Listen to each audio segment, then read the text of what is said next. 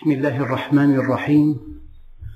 الحمد لله رب العالمين والصلاة والسلام على سيدنا محمد الصادق الوعد الأمين.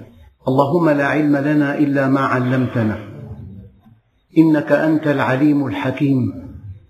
اللهم علمنا ما ينفعنا وانفعنا بما علمتنا وزدنا علما وأرنا الحق حقا وارزقنا اتباعه. وأرنا الباطل باطلا وارزقنا اجتنابه. واجعلنا ممن يستمعون القول فيتبعون أحسنه. وأدخلنا برحمتك في عبادك الصالحين. أخرجنا من ظلمات الجهل والوهم إلى أنوار المعرفة والعلم. ومن وحول الشهوات إلى جنات القربات. أيها الإخوة الكرام مع الدرس الثاني والخمسين من دروس سورة الأنعام ومع الآية السادسة والعشرين بعد المئة وهي قوله تعالى وهذا صراط ربك مستقيما قد فصلنا الآيات لقوم يذكرون. على من تعود هذا؟ هذا القرآن هذا المنهج. هذا الصراط المستقيم. الإنسان أيها الإخوة أودعت فيه الشهوات والشهوات تدعوه إلى الحركة. فإذا كان هناك طريق يمشي عليه سلم. وإن لم يكن هناك طريق شقي. ما دام في حركة الحركة تحتاج إلى طريق. ما دام في حركة الحركة تحتاج إلى طريق. من أين جاءت الحركة؟ من الشهوات.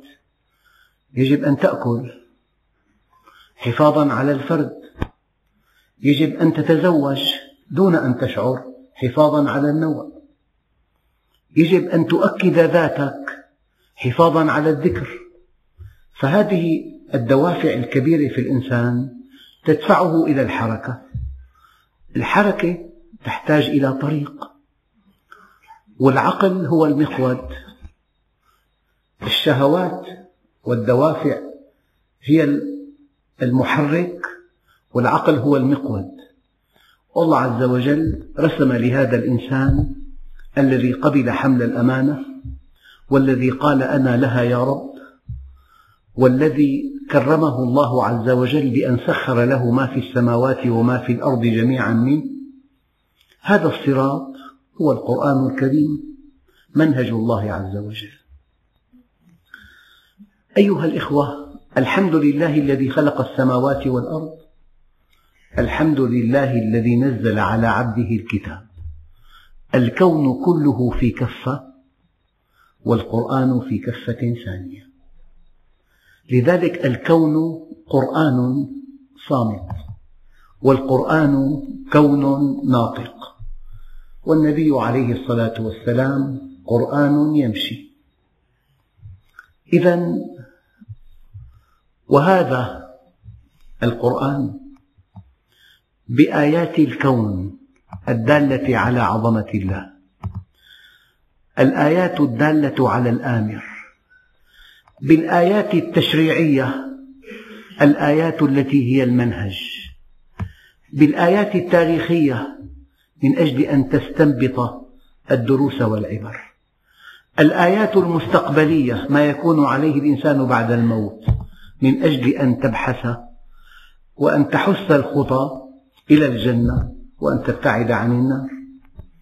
فالقرآن بآياته الكونية والتشريعية والإخبارية ومشاهد يوم القيامة كلها من أجل أن تكون لك منهجا قويما تسير عليه.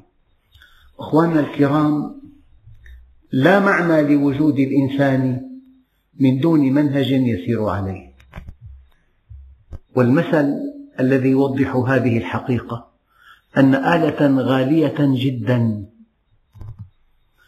نفعها عظيم جدا آليتها معقدة جدا.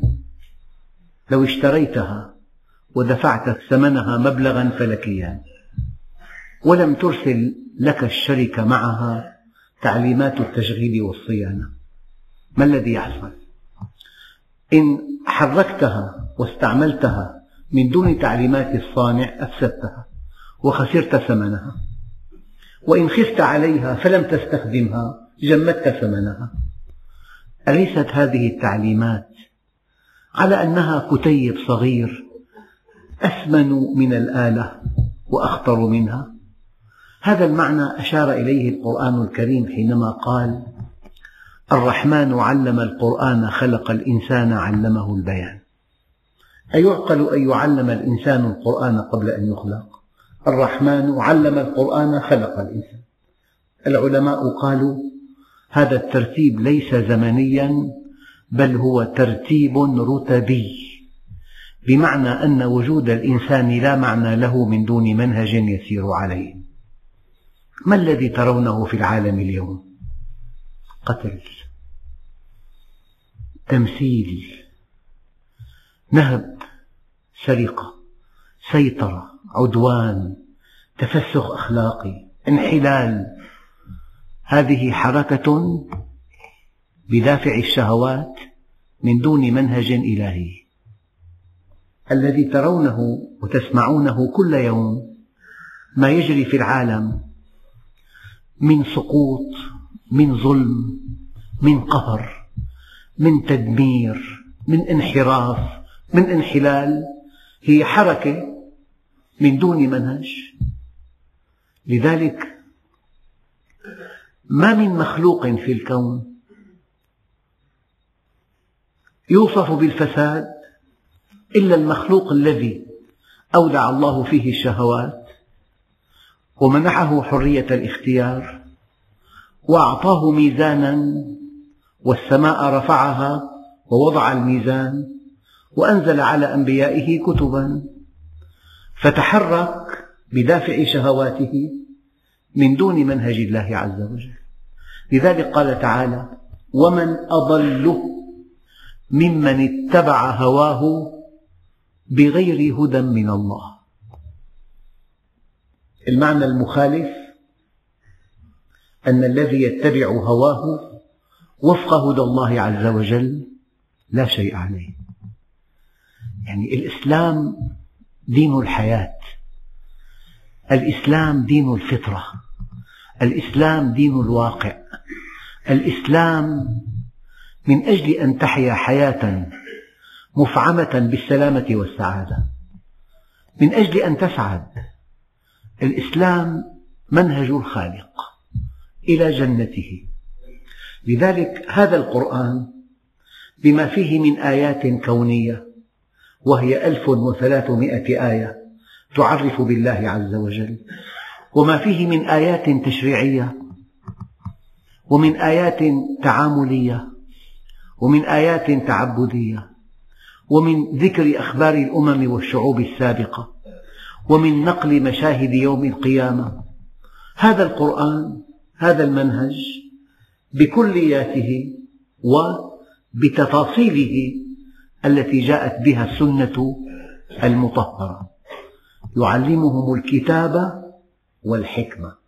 الحكمة شرح النبي عليه الصلاة والسلام لما في القرآن. هذا القرآن بكلياته التشريعية والتعريفية وتفصيلاته النبوية تحت كلمة وهذا صراط ربك مستقيما. يعني أيها الإخوة الكرام يمكن أن تعيش حياة مديدة حياة هانئة حياة سعيدة حياة فيها حركة هادفة. حياة فيها سعادة فيها أمن فيها طمأنينة فيها استقرار فيها تحقيق أهداف فيها رفع ذكر يمكن أن تعيش حياة في أعلى مستوى إذا طبقت منهج الله عز وجل. لذلك الذي يحرص على سلامته وسعادته الذي يحرص على مكاسب حياته يستقيم على أمر الله. إذا من عمل صالحا فلنفسه. من عمل صالحا فلنفسه. ومن أساء فعليها. وهذا صراط. طريق. الصراط هو الطريق. نحن في الأرض. أحيانا يكون هناك طريق لكن غير مستقيم. طريق جبلي. كله منعطفات حادة. صراط الطريق ممهد. معنى ممهد أي سوي مسوى. في طريق غير ممهد في صخور في عقبات في وهاد في حفر في اختناقات في انجراف. أما الطريق المسوى الممهد. قد يكون الطريق مسوى لكنه غير مستقيم. وقد يكون الطريق مستقيما ولكنه ليس مسوى طريق الله عز وجل يجمع بين أنه سوي وأنه مستقيم.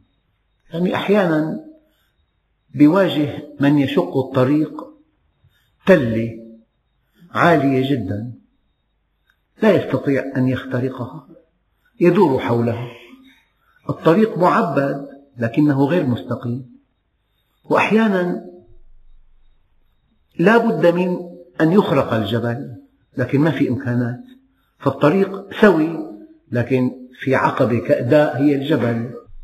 تحتاج إلى نفق والنفق له تكاليف عالية جدا.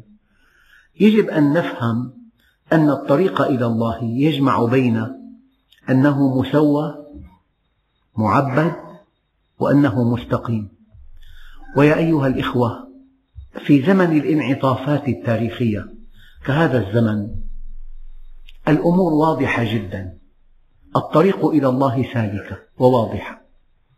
وطريق الشهوات والمصالح والمنازعات طريق آخر. لذلك وهذا صراط ربك ربك يا محمد. ودائما يجب أن نعتقد أن طاعة رسول الله هي عين طاعة الله وأن طاعة الله هي عين طاعة رسول الله. ومن يطع الرسول فقد أطاع الله. فإن لم يستجيبوا لك أن تستجيب لرسول الله عين استجابتك لله. وأن تستجيب لله بالتأكيد هي استجابة لرسول الله. والله ورسوله أحق أن يرضوه بضمير الغائب. يعني إرضاء رسول الله عين إرضاء الله وإرضاء الله عين إرضاء رسول الله. وهذا صراط ربك. يعني نسب الصراط إلى رسول الله. لأن النبي صلى الله عليه وسلم قد عصمه الله من أن يخطئ في أقواله وفي أفعاله وفي إقراره. لأن الله سبحانه وتعالى عصم نبيه من أن يقول غير الحق وما ينطق عن الهوى إن هو إلا وحي يوحى. لذلك النبي عليه الصلاة والسلام معصوم. لأنه معصوم الله عز وجل أمرنا أن نأخذ ما آتانا وأن ننتهي عما عنه نهانا. وما آتاكم الرسول فخذوه وما نهاكم عنه فانتهوا. وهذا صراط ربك. كما تعلمون أيها الإخوة أن الخط المستقيم أقصر خط بين نقطتين وأنه بين نقطتين لا يمرر إلا خط مستقيم واحد. ولو رسمت ألف مستقيم بين نقطتين لجاءت كلها منطبقة على بعضها بعضا. يعني بين نقطتين ليس هناك إلا خط مستقيم واحد فقط. أما الخطوط المنحنية والمتعرجة لا تعد ولا تحصى. لذلك الباطل متعدد. جاء الباطل جمعا وجاءت الاستقامة على أمر الله مفردة. وأن هذا صراط ربك مستقيما.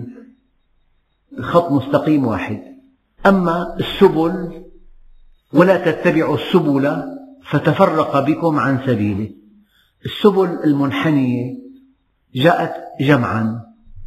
يخرجه من الظلمات جمع إلى النور مفرد.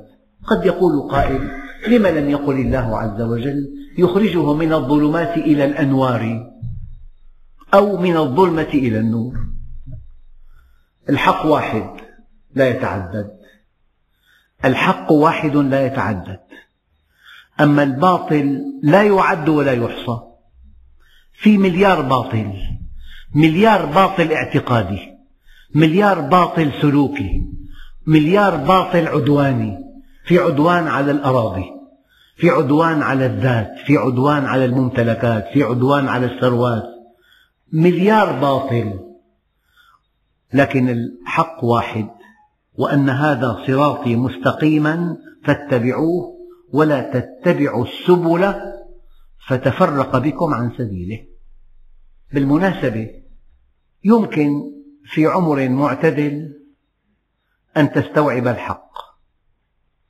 وإذا استوعبت الحق كان الحق ميزانا لك والسماء رفعها ووضع الميزان. أما لا أعمارنا جميعا ولا أعمار أهل الأرض تتسع للباطل. من أجل أن تطلع على المنطلقات العميقة لفرقة باطلة تحتاج إلى سنوات كثيرة. يعني طريق أن تستوعب الباطل طريق مسدود. وفي مضيعة وقت. استوعب الحق واكتفي به. الذي استوعبته من الحق هو المقياس. أنا حينما أمشي على طريق معبد تسلم مركبتي. أما حينما أهوي بها في أعماق الوديان هناك مليون حالة لتدمير المركبة. بحسب الصخور بحسب العمق بحسب فالتدمير لا منوع. أما السلامة واحدة السلامة حدية أما التدمير نسبي. أيام حادث سير قد تتلف مقدمة السيارة قد يتلف جنبها جنبها الأيسر سقفها عجلاتها مصدها. أما السيارة السليمة لها حالة واحدة كما أخرجها المصنع. فالسلامة حدية أما العطب منوع. تنويع كثير. وأن هذا صراطي مستقيما فاتبعوه ولا تتبعوا السبل فتفرق بكم عن سبيله يخرجه من الظلمات إلى النور. إذا من فضل الله علينا أن الصراط الذي هو القرآن وصف كما يوصف الطريق المستقيم المسوى طريق مستقيم والمستقيم هو أقصر مسافة بين نقطتين ومسوى يعني معبد وسوي إلى الهدف. وهذا صراط ربك مستقيما قد فصلنا الآيات لقوم يذكرون. يعني في وهم كبير. يعيشه المسلمون أن التدين يعني أن تصلي وأن تصوم وأن تحج وأن تزكي وأن تشهد أنه لا إله إلا الله. والحقيقة التدين خمسمائة ألف بند. هذه الخمسة بعضها. ومنهج الله عز وجل يبدأ من أشد العلاقات التصاقا بك. العلاقات الحميمة جدا. يعني منهج الله عز وجل يبدأ من فراش النوم إلى العلاقات الدولية. هذا هو الإسلام. منهج. وأن أعداء الإسلام يريدونه عبادات ليس غير. أن تصلي وأن تصوم وأن تحج وأن تغرق في أحكام الفقه فقط. أما الشأن العام المنهج العام مستورد من الغرب. ليس هذا هو التدين. منهج الله عز وجل يشمل كل مناحي الحياة. لذلك المنهج الإلهي يعني للتقريب خمسمائة ألف بند والصيام والصلاة والحج والزكاة والنطق بالشهادة خمس بنود من هذه البنود الخمسمائة ألف. فلذلك هذا الإسلام لا نقطف ثماره إلا إذا أخذناه كله. وأخطر مذهب بالحياة المذهب الانتقائي أن تأخذ من الإسلام ما يعجبك. قضية عمرة وركب طائرة وطواف ثلاث أشواط وتسوق من محلات فخمة جدا قضية سهلة. أما قضية ضبط الدخل وفق منهج الله ضبط الإنفاق ضبط العلاقات. أيها الإخوة الإسلام منهج متكامل. إن لم تأخذه كاملا لا تقطف ثماره أبدا. لأنه كالعلم لا يعطيك بعضه إلا إذا أعطيته كلك. فإذا أعطيته بعضك لم يعطك شيئا. هي المشكلة. يريدون الإسلام صلاة فقط. وأعمال تؤدى في المساجد. أما في البيع والشراء في كذب في تدليس في غش في بضاعة محرم أن تبيعها بعلاقات اجتماعية منحرفة هذا شيء كله مرفوض. إذا وهذا صراط ربك مستقيما قد فصلنا الآيات لقوم يذكرون. أيها الإخوة الكرام بقي آية إن شاء الله سأشرحها وربما توسعت في شرحها في الدرس القادم. لهم دار السلام عند ربهم وهو وليهم بما كانوا يعملون. هذا الذي مشى على طريق الاستقامة هذا الذي ضبط حركته وفق منهج الله.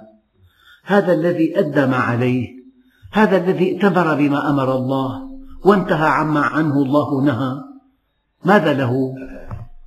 يتصور الناس أن المسلم محروم. بسيط. أفقه محدود. لم يستمتع بمباهج الحياة.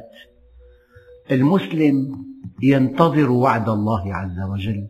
بجنة عرضها السماوات والأرض. لهم دار السلام عند ربهم. دار السلام الدنيا ليست دار سلام. قطعا. بأفضل الأحوال في تقدم بالسن ومع التقدم بالسن في ضعف بالذاكرة وفي ضعف بالبصر وفي إصلاح أسنان وفي خلل بالعمود الفقري. وفي التهاب مفاصل وفي زوجة متعبة وفي أولاد متعبون وفي كساد وفي دخل قليل ومصاريف كثيرة وفي ضغوط أجنبية وفي حرب أهلية وفي احتلال وفي نهب ثروات وفي قهر وفي جمال وفي دمامة بالحياة في دمامة وفي ذكاء وفي غباء وفي غنى وفي فقر في صحة وفي مرض.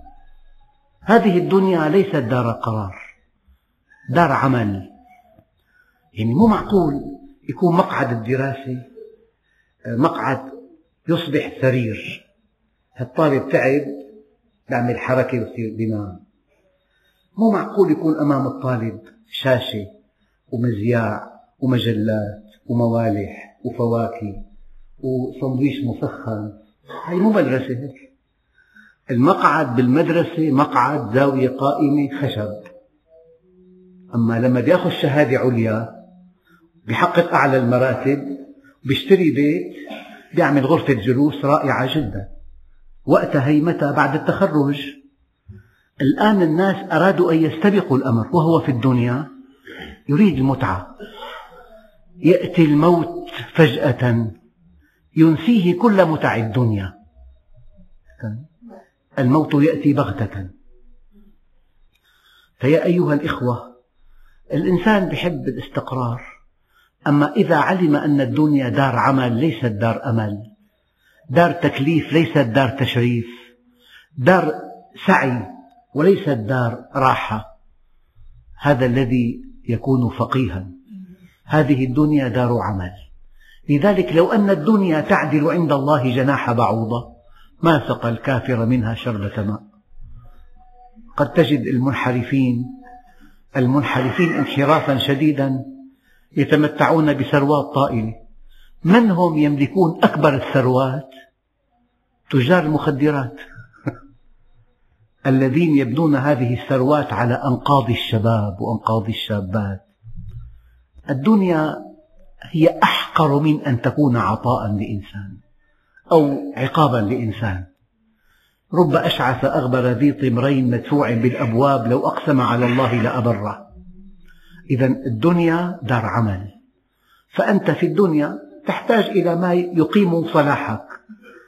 مأوى زوجة دخل. هذا أقصى ما في الدنيا. إذا أصبح أحدكم آمنا في سربه معافى في جسمه عنده قوت يومه. فكأنما ملك الدنيا بحذافيرها. هذه الدنيا. لذلك يتنافسون عليها ثم يأتي الموت بغتة. فالذي جمعوه في عمر مديد يخسرونه في ثانية واحدة. توفي رجل أقام في بلد نفطي خمسا وثلاثين عاما لم يؤدي فرض صلاة وأقام في بلد الحرمين لم يعتمر ولم يحج. ولم يصلي وهو في قضاء إجازة في تركيا وافته المنية في الفندق عن خمسة وخمسين سنة ترك أربعة آلاف مليون. جمعها كل يوم بجهد بضبط خسرها في ثانية واحدة. هذه الدنيا. الموت يأتي بغتة والقبر صندوق العمل. فيا أيها الإخوة من الخطورة بمكان أن تعرف حقيقة الحياة الدنيا. يجب أن تعرف حقيقة الكون وحقيقة الحياة الدنيا وحقيقة الإنسان. هي دار عمل. لذلك العبرة أن تكون معافى في جسمك. لك مأوى تؤوي إليه. عندك قوت يومك. ولذلك ملك سأل وزير من الملك. قال له أنت؟ قال له لا. الملك رجل لا نعرفه ولا يعرفنا له بيت يؤويه وزوجة ترضيه ورزق يكفيه. إنه إن عرفنا جهد في استرضائنا وإن عرفناه جهدنا في إحراجه. لذلك حينما تضع يدك على حقيقة الدنيا تكون أسعد الناس بها. وقد ورد في الأثر إن أسعد الناس في الدنيا أرغبهم عنها وأشقاهم فيها أرغبهم فيها. وعزتي وجلالي. خلقت لك ما في السماوات والأرض ولم أعي بخلقهن. أفيعيني رغيف أسوقه لك كل حين. لي عليك فريضة ولك علي رزق. فإذا خالفتني في فريضتي لم أخالفك في رزقك. وعزتي وجلالي إن لم ترض بما قسمته لك فلأسلطن عليك الدنيا. ترقض فيها رقض الوحش في البرية ثم لا ينالك منها إلا ما قسمته لك ولا أبالي وكنت عندي مذموما. أنت تريد وأنا أريد فإذا سلمت لي فيما أريد كفيتك ما تريد. وإن لم تسلم لي فيما أريد أتعبتك فيما تريد ثم لا يكون إلا ما أريد. لذلك أسعد الناس في الدنيا أرغبهم عنها. مطلوب أن تتزوج. يكون لك عمل يكون لك دخل لك أولاد. هذا كله مطلوب من دون إسراف ولا مخيلة. وكلوا واشربوا ولا تسرفوا. لك هدف كبير. أنت حينما تحقق هدفك تسمو عند الله وعند الناس. إذا هذا الذي طبق منهج الله. هذا الذي ائتمر بما أمر الله. وانتهى عما عنه الله نهى وزجر. ماذا له عند الله؟ قال لهم دار السلام ما في دمامة أبدا ما في تقدم بالسن ما في ضعف بصر ما في ضعف سمع ما في خلل عقلي ما في التهاب مفاصل ما في شحوم ثلاثية مرتفعة في الدم منع من كل الطعام الطيب الدنيا هكذا ما في زوجة سيئة ما في بيت متداعي ما في فقر لهم دار السلام فيها ما لا عين رأت ولا أذن سمعت ولا خطر على قلب بشر. أعددت لعبادي الصالحين ما لا عين رأت ولا أذن سمعت ولا خطر على قلب بشر. لهم ما يشاءون فيها. أي شيء تتمناه أمامك نحن خلقنا لهذه الجنة. هذا هو العطاء الإلهي. لا يليق بعطاء الله أن يكون منقطعا. الدنيا منقطعة بالموت. سبحان من قهر عباده بالموت. يكون ملك يعني على رأس بلد فيه أكبر مخزون نفطي في العالم يموت يدفن في التراب. أليست هذه موعظة؟ لهم دار السلام عند ربهم. وهو وليهم تولاهم في الدنيا ضيق عليهم شدد عليهم ساق لهم بعض الشدائد. نحن في شدائد لا تعد ولا تحصى. لكن أرجو الله أن تكون هذه الشدائد كمن كان في العناية المشددة. يعني بالضبط لو أنه مريض معه ورم خبيث في الأمعاء وسأل طبيب سؤال أديب ماذا آكل؟ يقول له كل ما تشاء ما في أمل لأنه. كل ما تشاء فلما نسوا ما ذكروا به فتحنا عليهم أبواب كل شيء. لكن مريض معه التهاب معدة حاد يعطيه الطبيب قائمة محدودة من الطعام فإذا تجاوزها أقام عليه الدنيا. ولا مادة حارة ولا مادة حريفة. لأنه في أمل الشفاء فأسأل الله أن نكون نحن المسلمين في عناية الله المشددة. مع كل هذه الشدة. مع كل هذه الشدة والضغوط. وما نعاني ما نعاني. أن نكون في عناية مشددة. لا أن نكون كالذين شردوا عن الله عز وجل. فأعطاهم الله الدنيا كما يشاءون. لهم دار السلام عند ربهم. وهو وليهم بما كانوا يعملون. لذلك لما الإنسان يدخل الجنة وقالوا الحمد لله الذي صدقنا وعده. وأورثنا الأرض. جئنا إلى الأرض. في الأرض تعرفنا إلى الله. في الأرض صلينا صمنا حججنا زكينا غضضنا بصرنا. تكلمنا بلسان صادق. أتينا إلى دروس العلم. قرأنا القرآن. طبقنا منهج الله. تزوجنا ولم نزني. عملنا ولم نسرق. هذا الذي له مرجع له منهج له رب إنسان سليم وسعيد. وقالوا الحمد لله الذي صدقنا وعده. وأورثنا الأرض. نتبوأ من الجنة حيث نشاء. لو أنه طالب كان بجامعة والجامعة بدولة نامية. يعني بناء قديم ومدرسون متعبون جدا ومناهج صعبة ودراسات قضى سبع سنوات مات فيها مئة موتة. ثم نال الدكتوراه وصار طبيب لامع والله عز وجل أكرمه بدخل واسع. فكل ما مر أمام الجامعة يقول لولا هذه الجامعة لما كنت بهذا الحال. بالتقريب لولا هذه الجامعة الدوام المتعب 12 ساعة باليوم أساتذة متعبون طلبات غير معقولة وظائف صعبة امتحان قاسي. لولا هذا هذا البناء وهذه الجامعة التي أمضيت فيها سبع سنوات ما كنت بهذا الحال. وقالوا الحمد لله الذي صدقنا وعده وأورثنا الأرض. كنا في الدنيا وعرفنا ربنا في الدنيا. نتبوأ الآن من الجنة حيث نشاء. فنعم أجر العاملين. لذلك الإنسان إذا رأى مكانه في الجنة عندما يأتيه ملك الموت يقول لم أر شرا قط. وكربتاه يا أبت قال لا كرب على أبيك بعد اليوم. غدا نلقى الأحبة محمدا وصحبه. كل بطولة المؤمن أن يكون الموت عنده عرسا لا أن يكون أكبر مصيبة. أخواننا الكرام أهل الدنيا قبل الموت إذا في قضية بالقلب بينهار انهيار كلي. كل دنيا وكل ماله انتهى. أليس كذلك؟ الذين يملكون المليارات أي شعور أنه في بقلبه شيء في تسرع بالنبض ينخلع قلبه خوفا. لماذا؟ لأن هذا مؤشر المغادرة. أما المؤمن قال تعالى أفمن وعدناه وعدا حسنا فهو لاقيه. كمن متعناه متاع الحياة الدنيا ثم هو يوم القيامة من المحضرين. فأنت كل بطولتك أن تجعل من الموت عرسا لا مصيبة.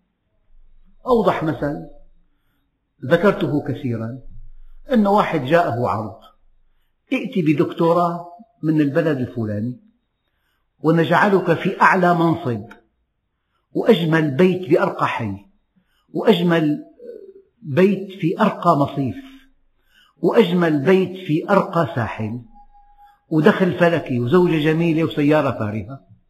ويخت بس هذا الدكتوراه هو فقير. ذهب إلى هناك اشتغل بالمطاعم لتنظيف الصحون واشتغل حارس ودرس سبع سنوات مات باليوم مئة موتة. أخذ دكتوراه وأخذ الشهادة وصدقها وقطع تذكرة العودة ودخل إلى المطار وقدم الجواز وأعطوه بطاقة الصعود للطائرة. وتوجه إلى الطائرة ووضع رجله في سلم الطائرة. أليست هذه أعظم لحظة في حياته؟ هي يوم فاصل. انقضى عهد التعب والدراسة والحراسة. تنظيف الصحون وجاء عهد المنصب الرفيع والبيت الفخم والمركبة الفارهة بحسب مقاييس الأرض. يعني. هكذا الموت. الموت تحفة المؤمن. الموت عرس المؤمن. أما بالعكس أهل الدنيا المنحرفون بوادر الموت أكبر مصيبة. كنت مرة عن طبيب قلب فجاءه هاتف من إنسان يملك مليارات. قال له أي مكان بالعالم؟ خذني إليه. أي مبلغ بدفعه؟ قال له والله ما في أمل. ما في أمل. ورا من الدرجة الخامسة انتهى. فأنت كن عاقل وإياك أن تمشي مع الله بطريق مسدود يعني واحد ارتكب جريمة قتل وأخذ إلى السجن ثم حوكم بمحكمة الجنايات ثم صدر الحكم بإعدامه ثم نقض الحكم رفع الحكم إلى محكمة النقض. محكمة النقض صدقت حكم محكمة الجنايات. رفع الأمر إلى القصر الجمهوري الرئيس وافق. على إعدامه. وثيق إلى المشنقة. وصل لطريق مسدود. بحب يبكي يبكي. بده ينشنق بحب يضحك يضحك. بحب يتوسل يتوسل. ما في أمل. بحب ما تتوسل لا تتوسل. يحكوا لي بعض الإخوة الكرام ممن يشهدون يعني نهاية إنسان أنواع. لكن كل هذه المواقف المختلفة تنتهي بالموت. يعني الإنسان مشى إلى طريق مسدود فإياك أن تمشي بطريق مسدود. انتبه وكل ما بكرت بالتوبة أفضل وكل ما عرفت الله وأنت شاب أفضل. من كانت له بداية محرقة كانت له نهاية مشرقة. خليك وعيان إياك أن تأخذك الحياة. الآن الدنيا ترقص بالشهوات. أينما نظرت ترى المرأة في أبهج صورة بكل مكان بالطريق بالمجلة بالإنترنت بالفضائية بكل مكان بالكتب بالهاتف كل شيء فيه. لكن في الله عز وجل. لذلك ما من شيء أحب إلى الله من شاب تائب. إن الله ليباهي الملائكة بالشاب التائب يقول انظروا عبدي ترك شهوته من أجلي. فلا تعلم نفس ما أخفي لها من قرة أعين. جزاء بما كانوا يعملون. فيا أيها الإخوة نحن في عصر الفتن. يصبح الرجل مؤمنا ويمسي كافرا. يمسي مؤمنا ويصبح كافرا. يبيع دينه بعرض من الدنيا قليل.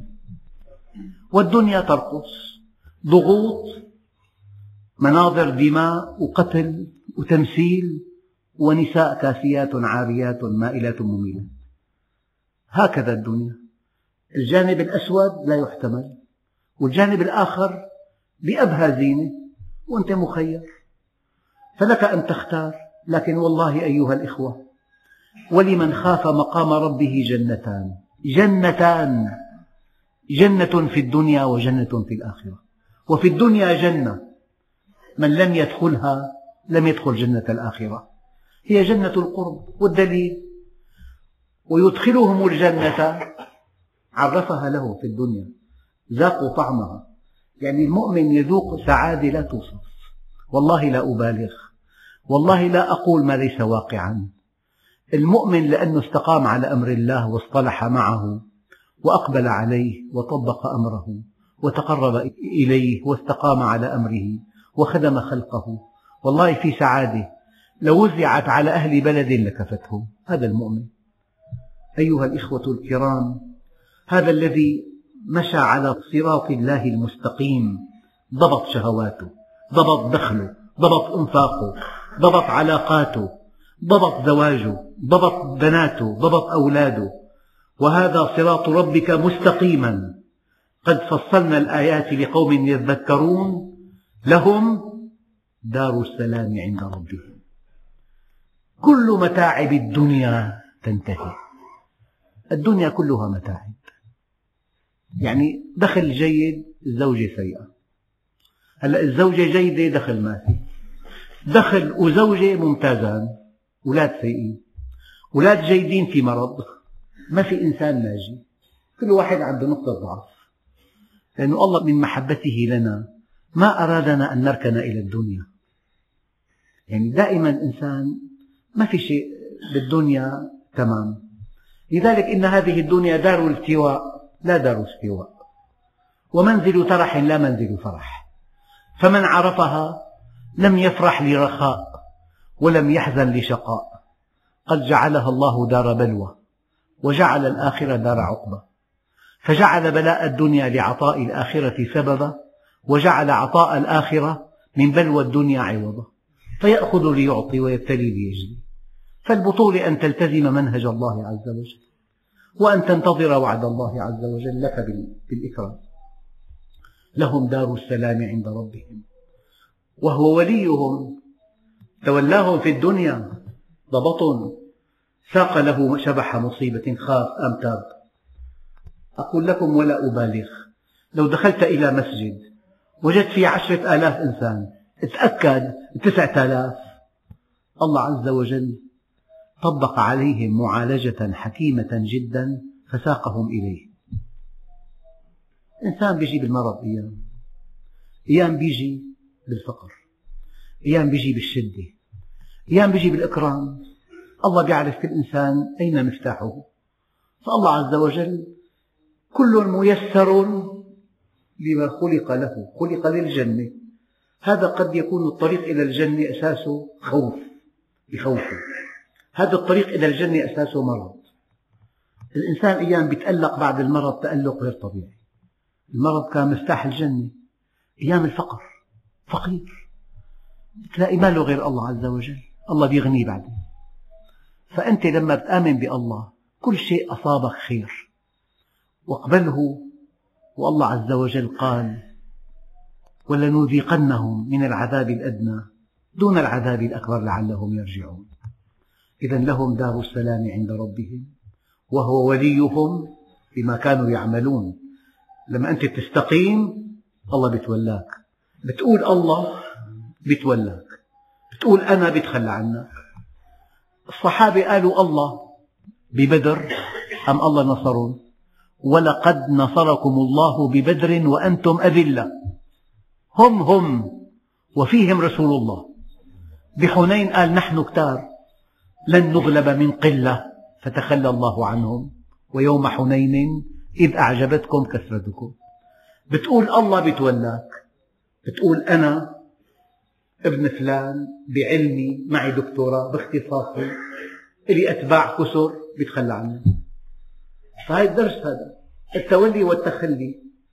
قل الله ولا تخف. لهم دار السلام عند ربهم وهو وليهم بما كانوا يعملون.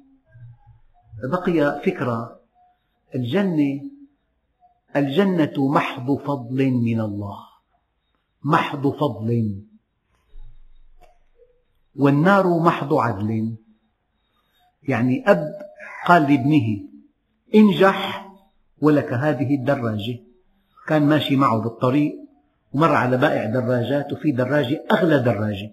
قال له انجح وسأشتري لك هذه الدراجة. هذا الابن نجح. أخذ الجلاء إلى عند بائع الدراجات مباشرة. أعطيني هي هي جلاء يعطيها. وين ثمنها؟ فأنت كل استقامتك بالحياة الدنيا وكل جهدك وكل اهتمامك أنت دفعت ثمن مفتاح البيت. بيت حقه خمسين مليون حق مفتاحه عشر ليرات. كل عملك هو ثمن المفتاح. أما هو البيت فضل من الله. فالجنة فضل. أنت قدمت سبب دخوله مو ثمنه. في فرق. أنت قد يكون معك مفتاح حقه عشر ليرات دخلت بيت حقه خمسين مليون. هذا المفتاح سبب دخول البيت. أما ثمنه خمسين مليون لا تملكها فالجنة أنت بكل ما فعلت في الدنيا من تفكر واستقامة وصلاة وصيام وحج وزكاة وغض بصر واستقامة دفعت سبب دخول الجنة. أما هي فضل من الله عز وجل. لذلك ادخلوا الجنة برحمتي واقتسموها بأعمالكم. درجاتها بحسب عملك. فإذا قال الله عز وجل ادخلوا الجنة بما كنتم تعملون يعني أنت لك مرتبة في الجنة بحسب عملك. أما أصل دخولها فضل من الله. أنت لم تدفع ثمنها. دفعت ثمن سببها. سببها. كل أعمالنا في الدنيا هي سبب دخول الجنة. ولكن الجنة فضل من الله عز وجل. العلماء قالوا الجنة محض فضل والنار محض عدل. يؤكد هذا قول النبي عليه الصلاة والسلام لا يدخل أحدكم الجنة بعمله. قال ولا أنت؟ قال ولا أنت؟ إلا أن يتغمدني الله برحمته. يعني عملك ما بيساوي ثمن الجنة أما بيساوي ثمن مفتاح الجنة. واضح تمام؟ والحمد لله رب العالمين.